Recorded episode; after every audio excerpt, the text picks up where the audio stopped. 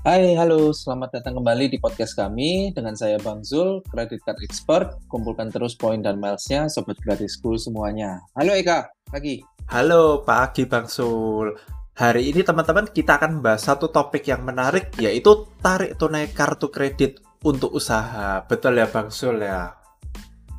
Yes, thank you banget. Uh, tunturin terus ya kita di podcast kita berdua di Health and Wealth and Community uh, serta di Bangsul Podcast. Episode kita tarik tunai kartu kredit untuk usaha. Nah, ini menarik ini. Tarik tunai kartu kredit untuk usaha. Kok kepikiran gitu ya kayak? Iya, karena ini banyak banget ya di masyarakat gitu ya.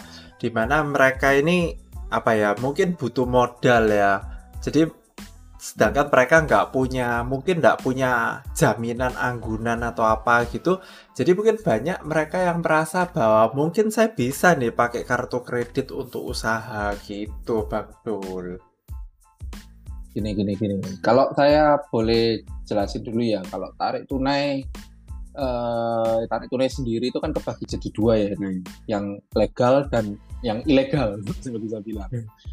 Jadi yang legal itu yang kita tahu yaitu tarik tunai di anjungan mesin anjungan teller itu ATM. Nah, itu kita tarik masukkan kartu kredit, dia bisa mencairkan up to 50% biasanya 50% 70% dari limit, jadi nggak bisa 100%. Dan itu bunganya lumayan ya, Itu 4 sampai 7 persen. Uh, 4 sampai 6, sorry. 4 sampai 6 persen per bulan. Nah, gede itu. Kenanya gede banget. Jadi kalau teman-teman usahanya tidak bisa memutar dana tersebut bertumbuh di atas 7% dalam satu bulan, saya nggak menyarankan nikah. Hmm. Gitu. Kalau menggunakan jalur yang uh, legal.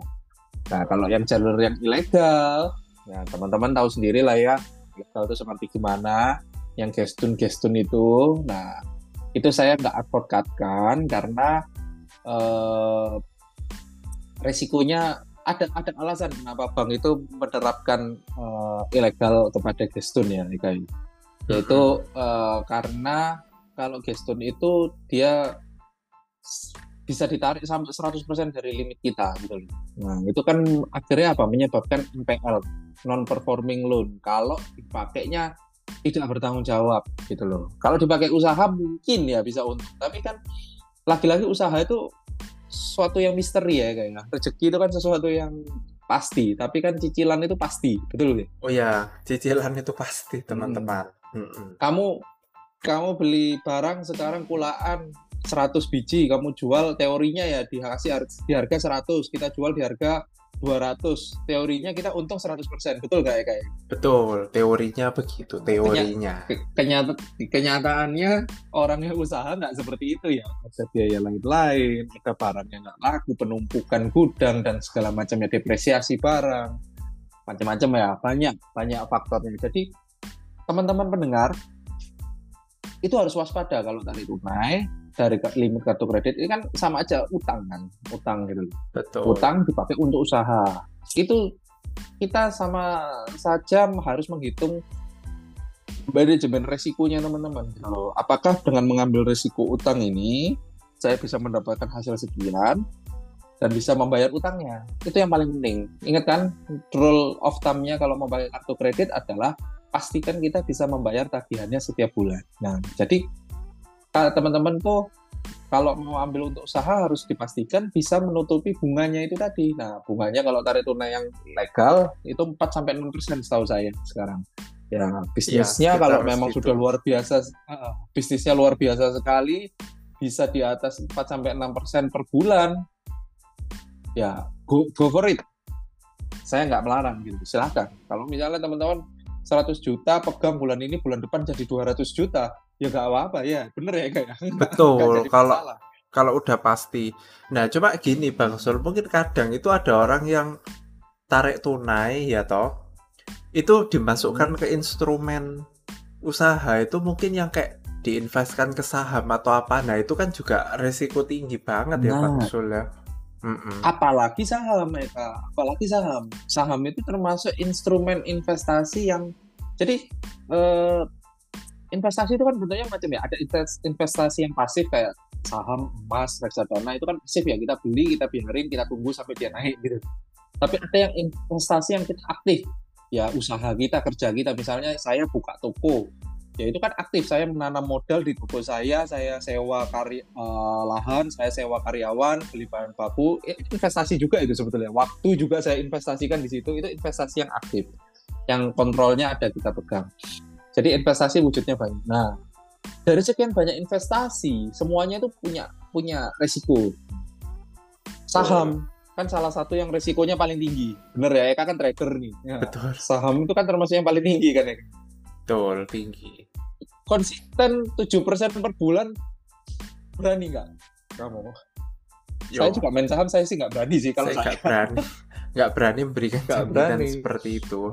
Betul, betul. Karena memang sesuatu yang nggak pasti. Bisa jadi 2-3 bulan kita uh, cuma satu dua persen atau bahkan boncos, tapi ternyata di bulan ketiga kita 15 persen. Itu bisa banget ya di saham, di kripto, itu kan bisa seperti itu, betul ya? Betul, betul, betul banget. Coba hmm, hmm. sekali lagi investasi itu sebaiknya tidak menggunakan apa ya uang utang, tanda kutip utang ya tanda kutip utang harus ah, pakai ah, uang ah. dingin ya mungkin betul, kalau misalnya betul. untuk usaha selama usaha itu bisa memberikan keuntungan. Katakan di atas 7% gitu ya.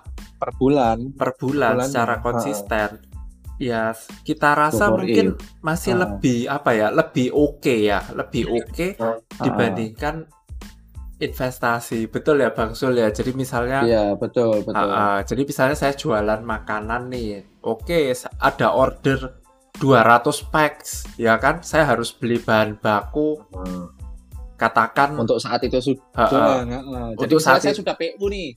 Uh, mm sudah PO sudah dapat orderan 200 packs untuk uh, syukuran misalnya gitu kan. Nah yeah. saya nggak punya pegang cash saat ini artinya order sudah masuk uang sudah masuk. Nah tinggal kita puterin. Nah itu silahkan. Ya Tapi jadi kalau sesuatu belum pasti itu jangan. Ya betul betul. Jadi kita lebih menyarankan untuk para pendengar ya kan jadi kalau teman-teman memang mau pakai kartu kredit ini buat usaha, pastikan ya kayak kayak contoh saya tadi udah ada PO-nya. Katakan kita jual seporsi 50.000, 200 porsi. Berarti kan klien sudah transfer katakan 10 juta, sedangkan kita ini harus beli bahan baku katakan 4 juta gitu misalnya ya. Nah, itu nggak apa-apa pakai kartu kredit dulu ya kan. Kemudian ketika sudah apa sudah apa ya intinya sudah pelunasan lah ya istilahnya ya kliennya udah pelunasan ya langsung ditutup nggak apa-apa. Kan biasanya kalau usaha katakan usaha makanan biasanya kan untungnya di atas 7% betul ya Bang Sul ya? Kalau makanan kan betul betul. pasti bisa di atas 7% ya mungkin bisa 50 bahkan mungkin 100% hmm. bisa nah kayak gitu teman-teman betul ya Bang Sul ya Oke, tapi it, ya itu lagi ya. Saya juga nggak tetap meskipun kadang-kadang ya kalau misalnya usahanya teman-teman pun untung di atas 7%, saya tetap tidak menyarankan. Kenapa? Masih banyak instrumen perhutangan atau instrumen kredit lain yang bunganya lebih kecil kalau untuk modal usaha. Contoh kayak KUR atau kredit modal kerja, KMK itu banyak banget. Banyak banget. Itu uh, bunganya lebih kecil atau bahkan KTA pun lebih kecil itu. Selama kalau KTA-nya itu dipakai full. Misalnya kita mau kan 100 juta ya 100 juta langsung dipakai full gitu. kalau cuma 100 juta dipakai cuma 50 juta itu rugi. Gitu. Hmm. ya.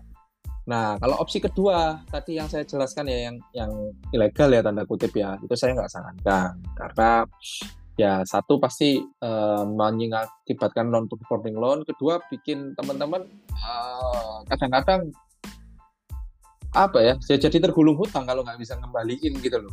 Karena tergiur dengan bunganya yang lebih kecil gitu. Yang ketiga pasti ya merugikan bank. Kalau ketahuan ya pasti teman-teman bisa di blacklist atau di close kartunya saat itu juga. Jadi kita sudah dipercayakan diberikan limit untuk uh, berhutang dengan baik ya jangan dikhianati kepercayaan itu kalau dikhianati ya pasti uh, bank bisa ini ya menjemput ya ah, gitu. Dan siap. paling saya yang paling saya sarankan ini, ini yang paling saya sarankan. Gimana Pak Sul? Kalau mau untuk usaha, kalau mau usaha, pakailah untuk belanja kebutuhannya. Jadi jangan dipakai ditarik tunai, tapi dipakai untuk pulaannya. Hmm. Paham ya?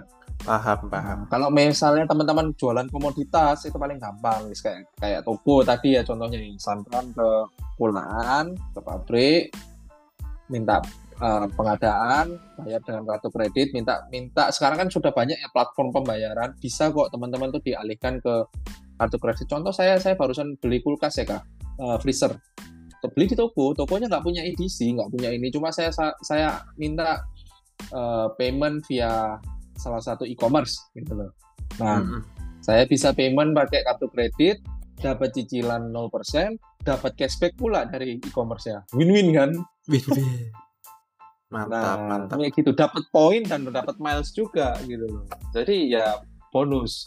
Jadi itu yang maksudnya saya ajarkan bagaimana kalau dipakai untuk usaha gunakanlah untuk membeli uh, bahan baku atau investasi alat komoditas Kalau usahanya nggak pakai komoditas, uh, bukan bergerak di bidang komoditas, ya bergeraknya di bidang apa? Contohnya, ya jasa, misalnya jasa apa misalnya kak jasa travel agency design. atau desain mungkin atau io ah. desain misalnya kalau kalau kalau travel agency atau io gampang ya belikan hotel belikan uh, venue, bayar restorannya apa segala macam untuk uh, travel agensinya payment via kartu kredit. Mereka punya EDC bisa. Jadi ditalangi dan misalnya desain, desain grafis ini kan jasa yang uh, sebetulnya yang dijual adalah hasil karyanya. Untuk produksinya nggak mengeluarkan jasa, uh, biaya, biayanya mungkin pas beli laptopnya, beli iPadnya, beli ininya ya alat elektroniknya itu bisa gunakan kartu kredit teman-teman. Nah di situ saya masuk maksud saya uh, menggunakan kartu kredit usaha. Nah ditarik tunai, kalau ditarik tunai terlalu risky ya, kecuali risky. ya itu tadi kalau nah kecuali teman-teman sudah menghitung manajemen risikonya. Kalau masih baru, masih istilahnya apa ya? Kalau uh, usaha itu kalau masih embryo state ya, masih masih zombie level zombie saya nggak saya nggak kerja hari ini besok nggak dapat profit saya nggak bisa makan mati gitu nah itu sebaiknya jangan deh jangan deh jangan deh gunakan kartu kredit fokus dapatkan stable income dulu. Nah, setelah stable income sudah mumpuni kemudian teman-teman mau pengembangan nah, barulah ya. Kayak kalau saya praktekkan ke saya ya ini saya sudah ada steady, steady income dari nasi goreng sama usaha saya ramen ya itu uh, F&B saya saya pengembangan, saya mau investasi freezer gitu loh. Daripada saya mengganggu cash flow karena freezer saya saya ambil yang besar ya kak, saya ambil yang uh, 800 apa 900 1000 wow. liter gitu. Saya lupa gede banget kok. Gede, gede banget. banget. Itu kan harganya 7 7 jutaan, jutaan gitu. Nah, daripada mengganggu cash flow kantor, saya menggunakan fasilitas kartu kredit gitu. Oke, siap. Ya Bang Sul, thank you banget ya Bang Sul ya buat sharingnya Semoga informasi apa yang kita bagikan ini bisa bermanfaat buat para pendengar. Oke, buat para pendengar, sekian episode dari kami. Sampai jumpa di episode-episode selanjutnya. Dadah. Oke, bye-bye teman-teman. Saya Bang Sul, Credit Card Expert. Kumpulkan terus poin dan milesnya Sobat Gratisku semuanya. Bye.